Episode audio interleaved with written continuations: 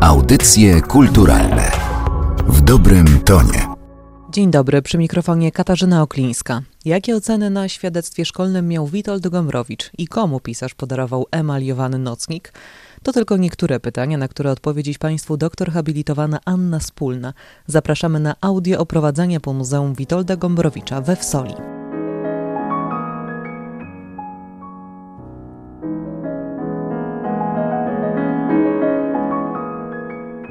Muzeum Witolda Gombrowicza istnieje od 2009 roku. Jest usytuowane na trasie między Radomiem i Warszawą.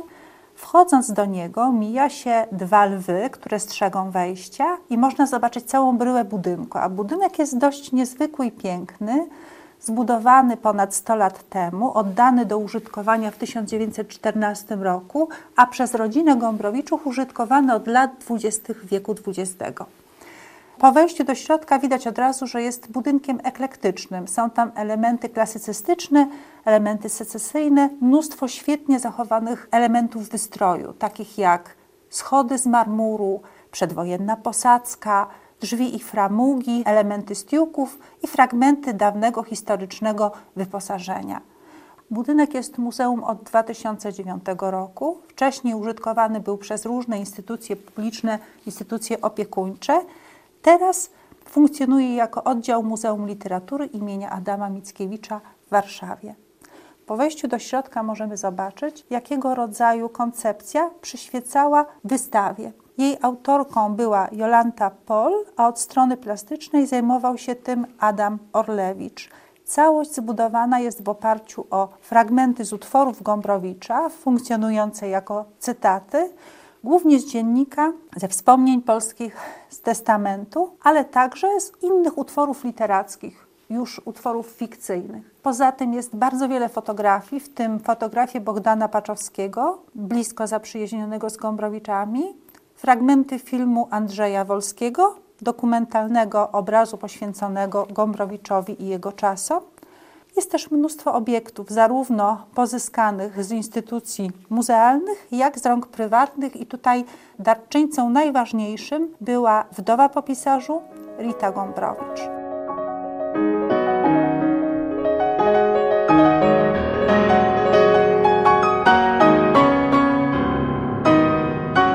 Pierwszym miejscem, do którego warto zaprosić zwiedzających, jest kawiarnia Ferdydurkę to pokój, w którym Witold Gombrowicz zatrzymywał się u swojego brata Jerzego, który był gospodarzem tego budynku. Pokój trochę na uboczu, łatwy wybór dla Witolda Gombrowicza, ponieważ miał taki sposób bycia i życia, że izolował się od swojego otoczenia, lubił czytać i pisać w nocy.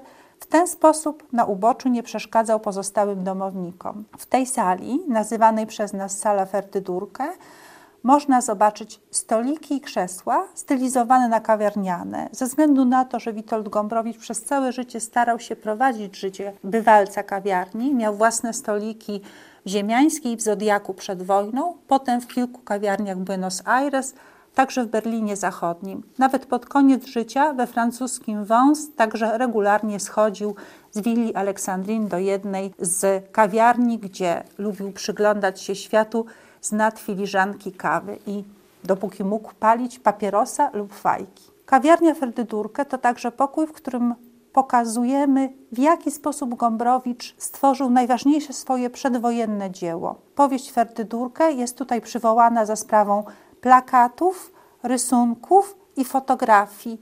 Powielone fotografie Gombrowicza jako dziecka, człowieka bardzo młodego i prawie dorosłego pokazują symbolicznie znaczenie twarzy, gęby, maski i formy w twórczości tego pisarza.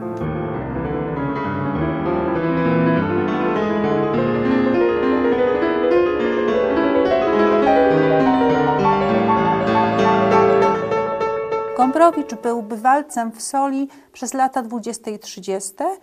Prawdopodobnie niektóre jego utwory są karykaturą życia, którego doświadczał jako gość swojego brata, dlatego warto pobyć w tym pokoju i przez chwilę spróbować poczuć to, co być może Gombrowicz czuł jako młody uczeń, potem student i człowiek zastanawiający się nad tym, czy warto wyruszyć w świat, czy warto porzucić rodzinę i ojczyznę, co ostatecznie za radą swojego brata zrobił w 1939 roku. Z sali Ferdydurkę wchodzimy do holu, pełnego pamiątek po pisarzu. Są tam takie przedmioty, które można uważać za atrybuty Gombrowicza, na przykład fajki, a palił namiętnie.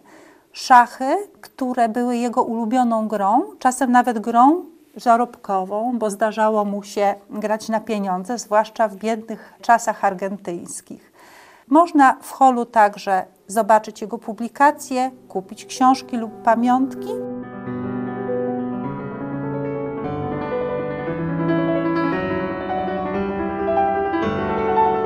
Parter obejmuje sala polska, składająca się z kilku połączonych ze sobą pokoi dawnego pałacu. W sali polskiej można zobaczyć pamiątki, obiekty, obrazy, fotografie, także fotografie powiększone, które pokazują historię rodziny Gombrowiczów od jego początków aż do roku 1939. Całości towarzyszy fragment kalendarium z Lern, czasopisma, które Gombrowicz przygotowywał przed śmiercią. To kalendarium to historia jego życia, napisana przez niego samego, nie zawsze dokładna, czasem odrobinę skłamana. Gombrowicz był konfabulatorem i niektóre rzeczy na swój własny temat koloryzował albo wręcz zmyślał. Uwagę przyciągają dokumenty, które pochodzą z przeszłości, w tym bardzo stare kopie dokumentów z XVI, XVII, XVIII wieku, pochodzące z archiwum Gombrowiczów, świetnie zachowanego. Ponadto fotografie rodziny Gombrowiczów i Kotkowskich. Matka poety z domu Kotkowska pochodziła z dobrej szlachty sandomierskiej. Ojciec poety Jan Onufry Gombrowicz był urodzonym już w Polsce centralnej, potomkiem rodziny wywodzącej się z pogranicza Litwy i Żmudzi. Dlatego Gombrowicze wielokrotnie podkreślali, że są rodziną trochę emigrantów w centralnej Polsce i trzeba przyznać, że czuli się nieco lepsi od koroniarzy, jak mówili. Można zobaczyć, że Gombrowicza te rzeczy wybitnie interesowały, ponieważ w jednej z gablot podziwiamy drzewo genealogiczne rodziny, przepisane własną ręką Gombrowicza na użytek książki historycznej, którą chciał napisać. Być może była to po prostu historia rodziny, coś w rodzaju kroniki. Te zainteresowania, zainteresowania własną przeszłością okazały się dla Gombrowicza kluczowe później, kiedy pisał takie powieści jak Transatlantyk, stylizowane na język dawnej szlachty. Czyli nie tyle i nie tylko Sienkiewicz albo Pasek, ale także dokumenty rodzinne były podstawą tych historii.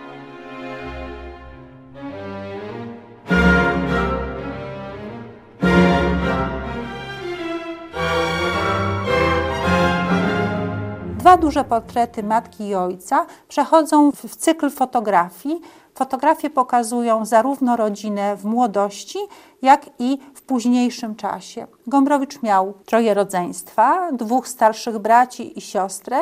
Bracia Janusz i Jerzy byli powszechnie szanowanymi ziemianami, siostra Irena dość niezwykłą kobietą. Jej także poświęcona jest jedna z gablot. Obok fotografii przedwojennych pokazujących Gombrowicza jako dziewczynkę, jak czasem żartujemy, w sukience, bo taka była wtedy moda dziecięca, z równo przyciętą grzywką. Są też fotografie bardziej dramatyczne, na przykład powiększona fotografia obojga rodziców Gombrowicza i jego samego przed samochodem w majątku w Sola. Fotografia pokazująca ludzi zmęczonych sobą, dość sobie obcych, oddalonych. I tu parę słów o tym, jak Gombrowicz sam traktował własne dzieciństwo i młodość. Uważał, że był dzieckiem kochanym, ale uważał, że był kochany nieumiejętnie. I cytaty, które towarzyszą obrazom, fotografiom, dokumentom, trochę to potwierdzają. Jest tam mowa o poczuciu osamotnienia, o tym, że umiał bardzo krytycznie spojrzeć na swoich bliskich, o tym, że nie nauczył się miłości, chociaż na pewno doświadczył rodzinnej troski.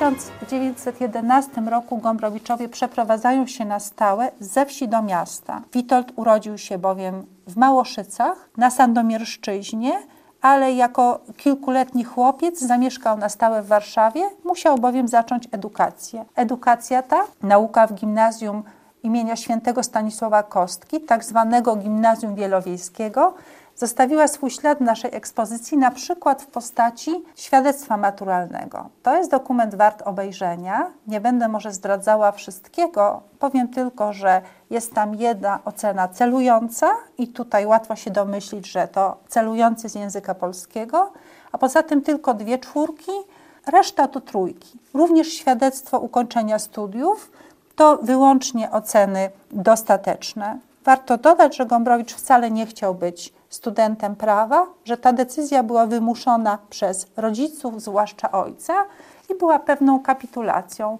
Witold Gombrowicz uważał, że jego powołaniem jest pisanie, a studiował dlatego, że w ten sposób łatwiej było mu się utrzymać dzięki pieniądzom ojca. Życie ziemiańskie we Wsoli i okolicznych majątkach można zobaczyć w fotografiach, które pokazują polowanie, wypoczynek w salonie, wypoczynek przed pałacem we Wsoli. Jest tam sporo słońca, spokoju i poczucia bezpieczeństwa i stabilizacji, że bardzo złudnego dowiedzieli się o tym wkrótce mieszkańcy pałacu, jako że w 1941 roku musieli go opuścić i nigdy już do niego nie wrócili. Najpierw we Wsoli mieszkali oficerowie niemieccy, a potem władza ludowa przejęła ten budynek na swoje potrzeby.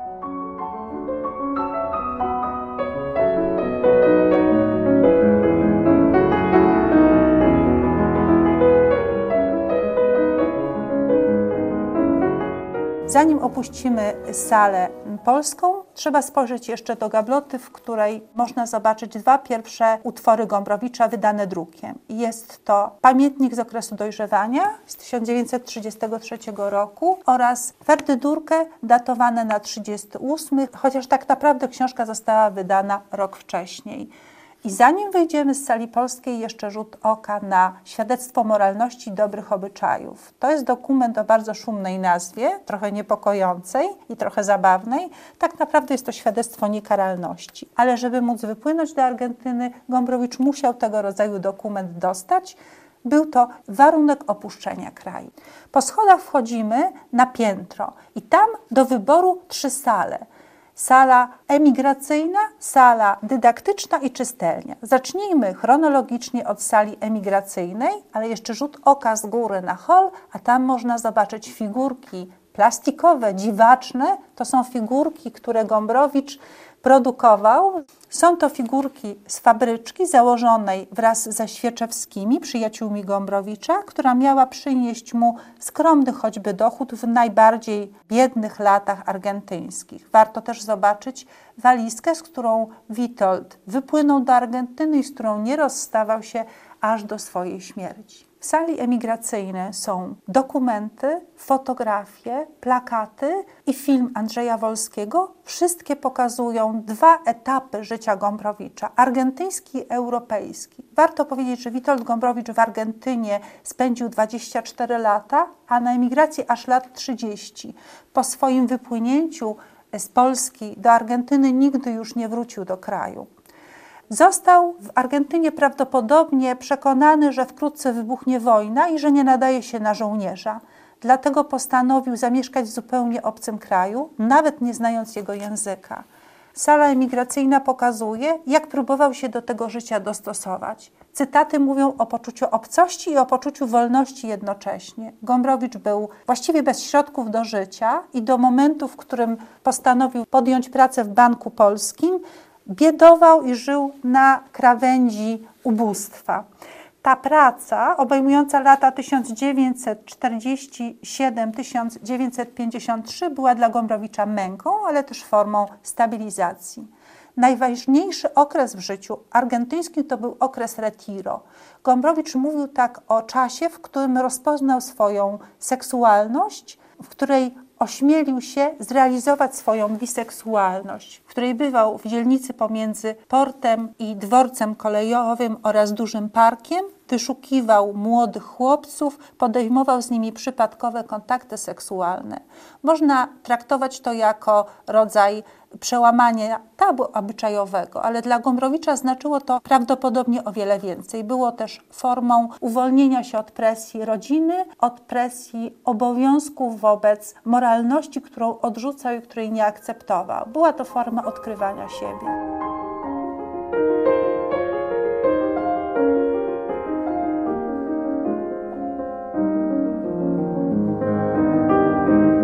Okres argentyński oznaczał także dla Gombrowicza bardzo twórcze życie. Między innymi próbę przetłumaczenia na hiszpański nie znając hiszpańskiego de facto, Ferdydurkę, zakończoną wydaniem właściwie zupełnie nowej powieści, która zrewolucjonizowała prozę argentyńską na długie lata. Jest to czas, w którym napisał ślub, w którym powstał transatlantyk, w którym została wymyślona, zapisana pornografia. Gombrowicz był pisarzem bardzo odważnym i nawet w najtrudniejszych okresach życia, kiedy nie miał się z czego utrzymywać, nie próbował pisać tak, żeby podobać się innym. W sali emigracyjnej można zobaczyć fantastyczny list Witolda Gombrowicza do Józefy Radzymińskiej, pisany ślimakiem, podkreślający jego dziwność i ekscentryczność, a także napisany bardzo spokojną polszczyzną, dostosowaną do możliwości Anieli Brzozowskiej, list do służącej. Ważny dlatego, że to ona była autorką zakończenia Ferdydurkę, i jej Gombrowicz pisze, że zostanie pochowany na Wawelu jak Słowacki, a to trzeba przyznać, jeśli pamiętamy Ferdydurkę, dość ekscentryczne określenie. Druga część sali poświęcona jest pobytowi Gombrowicza w zachodniej Europie. W 1963 roku Gombrowicz płynie do Europy na stypendium w Berlinie Zachodnim, zaproszony tam przez Fundację Forda. W ten sposób porzuca Argentynę i zaczyna zupełnie nowe życie. Życie, na które, jak się okazało, nie był gotowy. W Berlinie czuł się nie najlepiej, nie odpowiadał mu ani klimat, ani ludzie. Doświadczył zresztą esbeckiej prowokacji.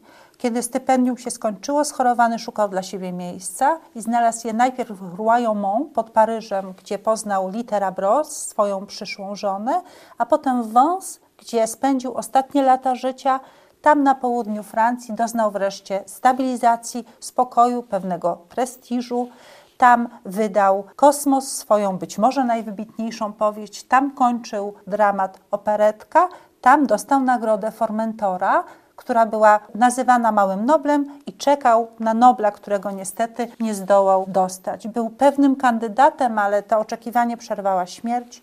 Witold Gombrowicz umarł na niewydolność serca i niewydolność oddechową 25 lipca 1969 roku i ta śmierć zastała go we Francji, tam też jest pochowany. Obecnie w willi Aleksandrin gdzie spędził kilka lat życia, jest drugie Muzeum Witolda Gombrowicza pod opieką merytoryczną Muzeum we Wsoli.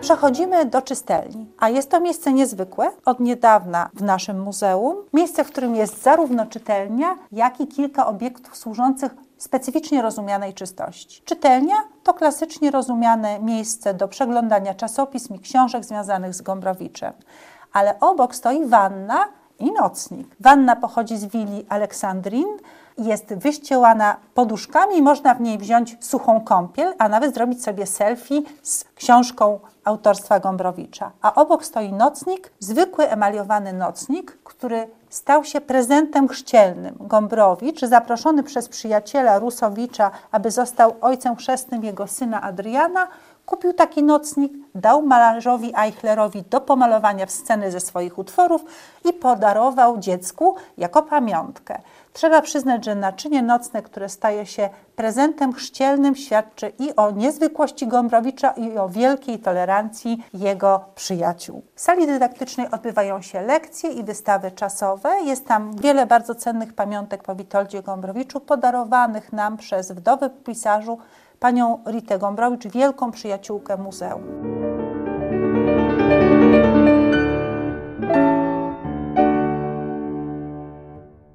Po Muzeum Witolda Gombrowicza we Wsoli oprowadzała doktor habilitowana Anna Spólna. Dziękujemy Państwu za uwagę. Katarzyna Oklińska, do usłyszenia.